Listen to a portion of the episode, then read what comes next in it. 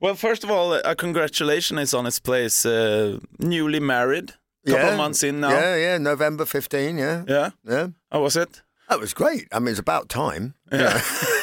yeah, because you've been together a long time. yeah, Yeah. exactly. You know, uh, so uh, no, that was that, that that was that was great. You know, there, there was something missing on my left hand, so uh, yeah, I've put that back together now. It's great. Yeah.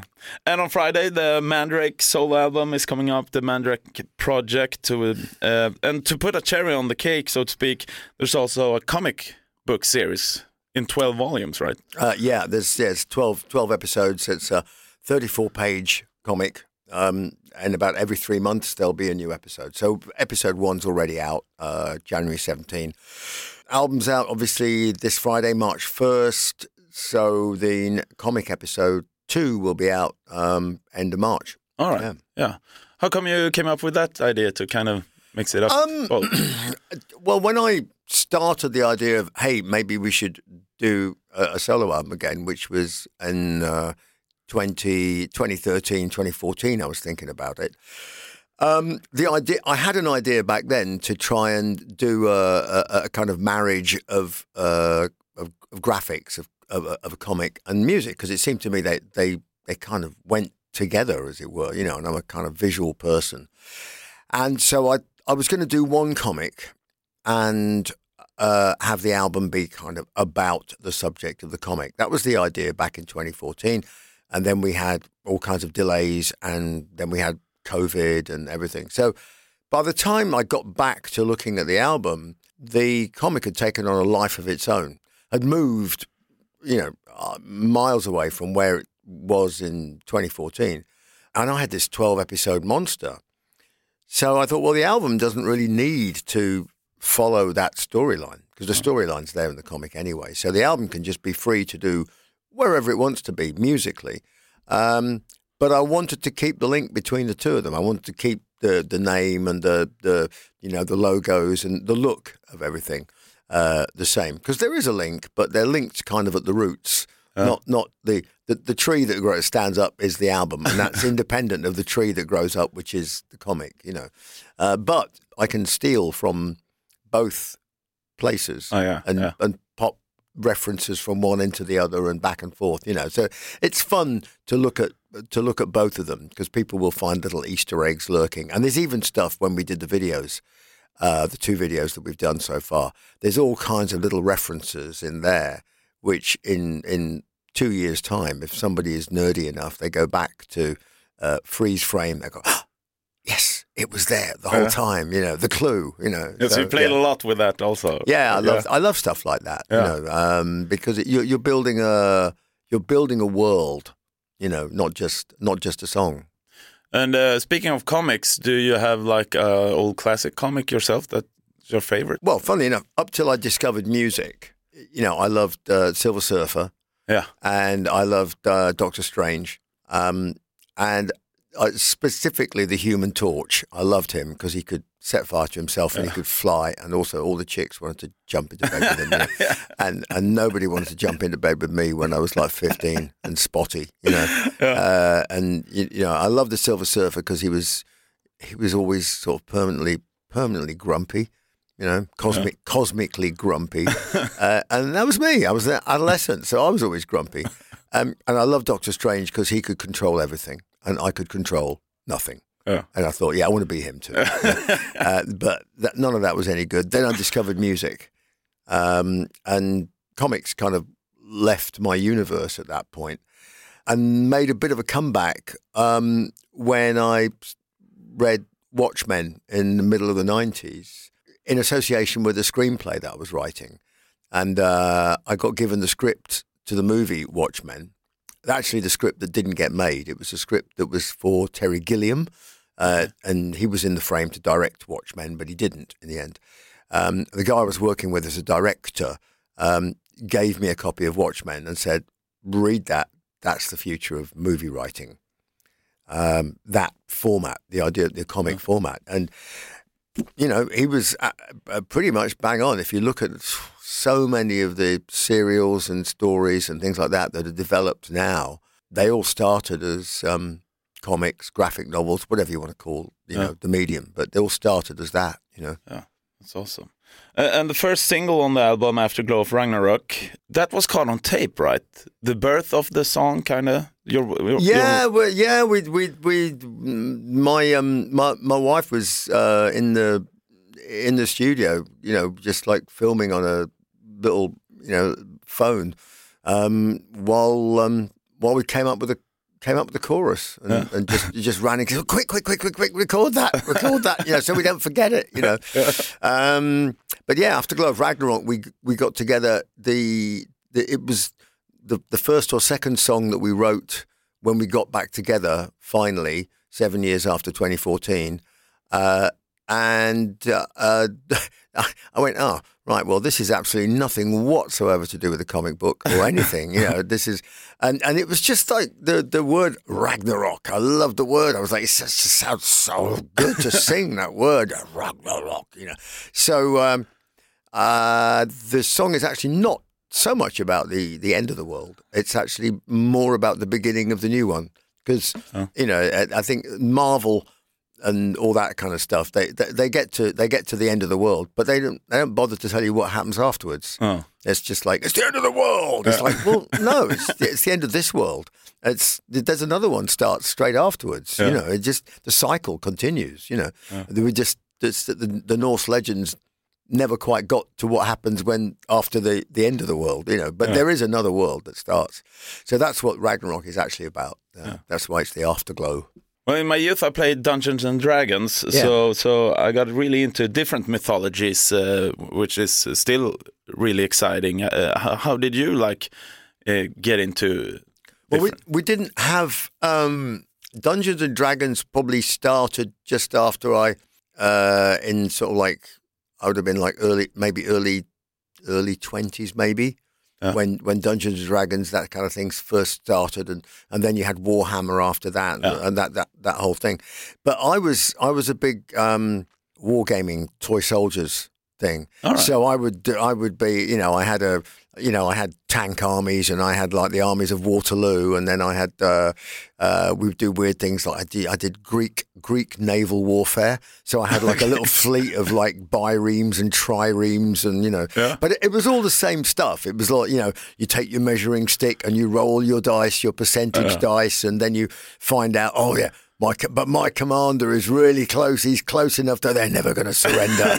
you know, and all the rest of it. You know, it's it's all the same thing. You know, the same the same thing. And you're you're you're you're, playing. And I used to paint all my figurines and, Yeah, and, too, you know yeah. and, and everything. And, and it's brilliant. Actually, it's uh, I think it's it's really absorbing and and it encourages. Um, I mean, in, in my case, it, it you know we, we were we were researching you know the history of whatever the conflict was and things like that and what kind of weapons they'd use and how they used them and so on and so forth um, but I imagine Dungeons and Dragons and, and everything it's similar but it, just in the, the rules of the world you have to study really um, but it's great it's creative you know Uh, now, binge watching Netflix has been a thing for a couple of years, but I, I read somewhere that your first encounter with it was during the pandemic. Kind of. Ba- basically, yeah, Yeah. because I was, I, I, uh, I didn't really bother with it up till then, but you know, I was locked, locked in a, locked in a room for a, a, a, a while, and I went, oh, okay, we'll go and watch Netflix. I got absolutely hooked on the Sons of Anarchy. Oh yeah, that's a great Um, series. yeah.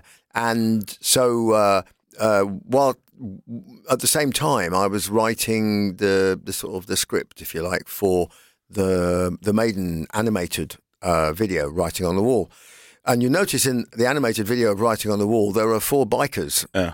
That appear like from the. They start as like the Nazgul, Yeah. and then they come down and they appear as the the four bikers of the apocalypse, and they're all Eddies with Eddie masks and everything. That's totally from Sons of Anarchy. All right. All of that is from Sons of Anarchy.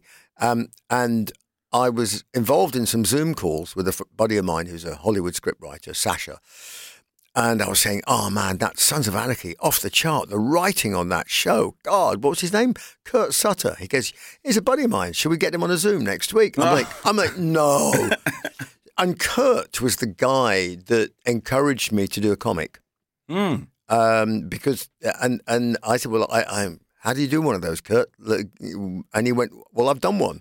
Let me explain how it works. And so he sent me his kind of plan for his comic with the script and everything. and I started to realize the enormity of of creating a world. Uh, so I just got down to it and create, you know, fleshed out the characters, did the backstory, did you know the whole the whole nine yards. Um, the bit that I couldn't do, which I thought I could do, but I realized I absolutely couldn't do, uh, was the comic script, because comic script is just it's a it's a different medium to writing a novel. It's a different medium to writing a screenplay. It's none of the above. So uh, uh, that that's really interesting, and that's still a work in progress. I've got a great script writer, so we we write the scripts together. So I come up with the stories, and I come up with a, you know a lot of the dialogue and stuff, and we we, we collaborate. I think it's it's it's it's fair to say it's it's it's I'm not sure. Yeah, it's probably around around 50-50 at the moment. So, but uh, and I'm just learning from him. A guy called Tony Lee. So he's you know AD two thousand and Doctor Who and Dracula and all Oh, these yeah. other things that he's done. You know, uh, so yeah, it's a it's a really cool team we've got um, working on it. Some great artists, um, Staz Johnson, Peter Kowalski, and um, uh, Bill Sienkiewicz uh, doing the cover art. It's, it's sensational. And you've been in Sweden now a couple of days. Uh, yeah, in Gothenburg, in Stockholm, and you did a pre-listening party. How, how was that? Like, Oh, it, it- you know what? It was uh, it was actually pretty amazing. Uh, we did the the pre-listening party in Gothenburg, which was eleven in the morning, which is a little bit on a Sunday morning. Like, Okay, uh, and then and then last night we had the the theater, the little theatre here in Stockholm. And that was brilliant. We had a great Q and A at the end, really nice and lively, and, and the audience loved it. I, I was actually a bit worried for their health because because some of them were actually headbanging in their seats. Oh, really? I mean, I could see. I was, I was going, "Wow, this is amazing!" You know, they're sitting in a theatre and people are really digging it. You know, and the sound was fantastic. It sounded great on the system there. awesome, awesome. Now, sadly, uh, I'm uh, really scared of flying. And soon 40, so it's still a problem, kinda. So I thought, who better to ask than uh, uh, Bruce Dickinson, that's been a, like a like an airline pilot for several years. Yeah. Do you have like a because there's more people than me that's uh, that have this. Do you have like a Oh yeah, something lots, you, lo- loads of people, lo- loads of people are, are, are nervous, nervous flyers. You Yeah. know, uh, for uh, for perfectly valid reasons. You know, I mean, because if you're a nervous flyer, you're a nervous flyer. There's nothing nothing to be ashamed about. You know, it's just that flying is a, a part of a part of the modern world. Mm. So um, there are ways of, of trying to cope with it and, and, and, and deal with it and, and mitigate it. Mm. And, you know, in some cases, just eliminate it altogether. It just depends on what it is you're frightened of and how frightened you are and, and you know, what, what steps you take to to to sort of to to treat it as it were you know and mostly it's about just experience and and and, and education you Mm. know uh, so there are lots of really great courses fear of flying courses that are run often by airlines uh, British Airways do a, a very good one um, which involves going into simulators and going into a, a, a mock-up airplane All right. and and having people explain exactly what that noise is and Yeah. why they do this and why they do that and why you have to raise your window shades and why you have to clear all the crap away from your feet and what happens when the oxygen masks drop you know all that stuff Yeah. because it's you know it's not explained really it's just like hey do this do this do this but people go people ask why and my you know, my, my wife is always like why do i have to raise my window blind Yeah. you know, uh, when when we, you know, take off and landing. And I said, because if there was a problem, right, and the airplane was on fire, how would you know which side not to get out of Yeah. if you can't see out through the window? So you could jump into a burning engine out of the emergency chute if you can't see what's outside. You can't see a hazard or anything else like that. So it's just common sense stuff that you, you don't think through. And, and, and that sounds really gruesome Yeah. but the but the the point is is that all of these things have come about because there have been accidents where hundreds of deaths could have been prevented by very simple precautions that have just ended up being part of the the safety demo. You know, uh, I mean, there was a terrible accident recently where a 787 landed on top of a. Uh, it was a Coast Guard airplane, I believe. I think it was. I'm going to say it was Japan. It was Korea. No, no, no. But anyway, it was in the Far East, and uh, it was a 787 landed on top of it. It shouldn't have been on the runway, but it was, and the airplane basically just burnt to the ground.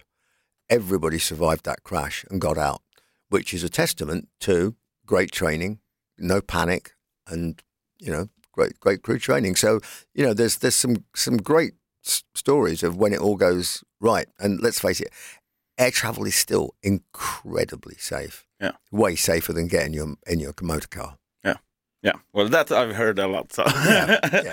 but um, now you're going out on tour again, uh, and also bringing a fellow Swede with you. Oh, Philip. Yeah, Yeah, yeah. yeah, yeah, yeah. How, Philip how did you, how did that happen? Um, well, I was going to. I was thinking about bringing uh, a, an, an extra guitar player because we've got a keyboard player, um, and we had Roy on the guitar, and uh, but there's a lot of twin guitar parts, uh, and there's a lot of keyboard parts as well as twin guitar parts. So I thought mm, maybe we should take a second guitar player. Um, and my son Austin, who is in um, uh, a band called As Lions, and before that Rise to Remain, he'd been writing some songs with Philip. hmm And um, I was chatting to him, and he said, "Well, what about Philip?" I went, "Hey, he'd be great because I'd met Philip. I'd heard heard his playing, and I, and I went, oh, just give him a shout." And he happened to be in Texas, um, like recently, uh, like as in a couple of weeks ago. And he said, "Oh, I'll swing by LA." I said, "Well, could you learn a few of the tunes?" He went, "Yeah." So he learned about twelve of the songs, like all of it, everything, like every all the guitar solos, all the harmony bits, and and and and, and everything. And came in, played it. It was great. We had a little jam, and um, I thought, I thought, well, that's that's really good.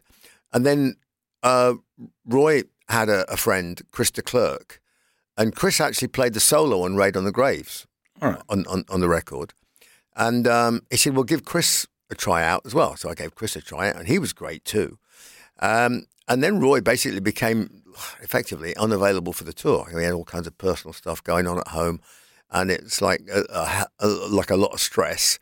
And I said, well, we can't have you going out there like stressed out, worrying about X, Y, and Z. Um, and there's a lot of studio work to do because we are remastering all the records. We are remixing a lot of the records. We are adding bits to some of the records that were missing that should have been there in the first place, like Balls to Picasso and things like that. So there's loads for him to be getting on with in the studio.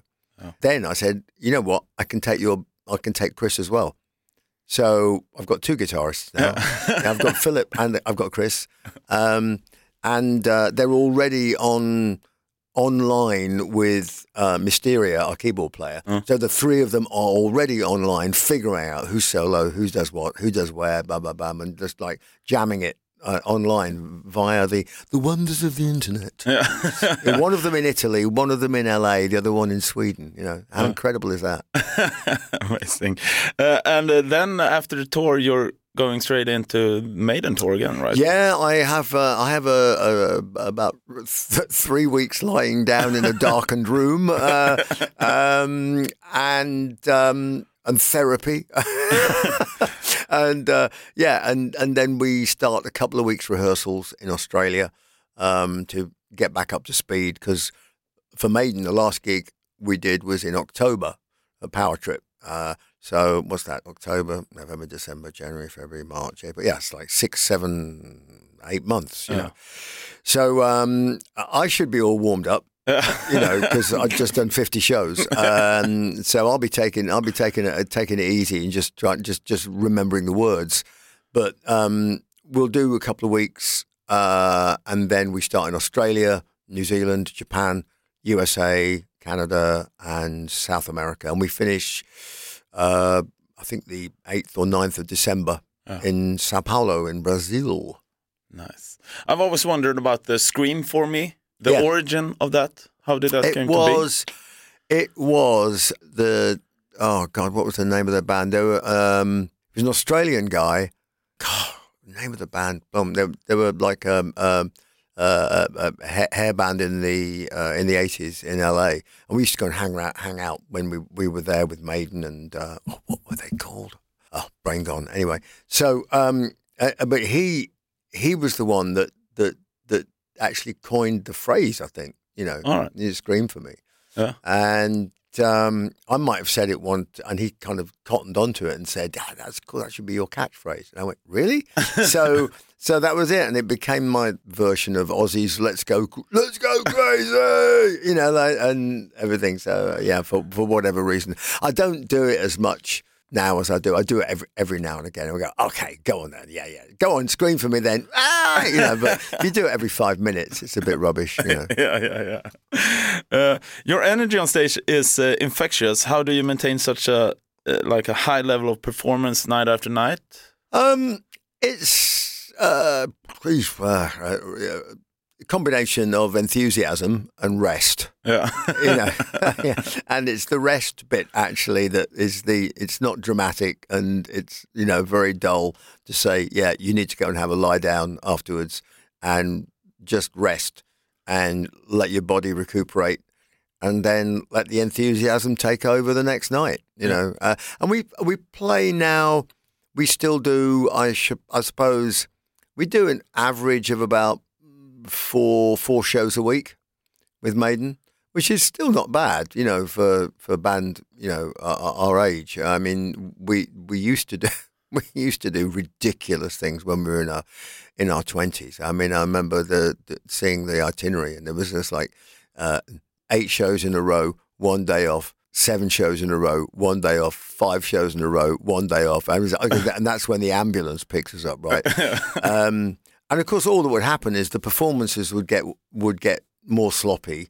People would get burnt out, and then somebody would go sick, and then you'd cancel a week of shows. yeah, So I said, wouldn't it be better if we just had a more of an even tempo? So you build in some recovery time. And of course, as we've gotten older and the shows have gotten uh, bigger, Hmm. it's it's easier to do that. So we now work uh, uh, with Maiden. We work a routine where if we do two shows in a row, we have two days off. Uh, but you know, we can do one show, travel day, one show, travel day, one show, travel day.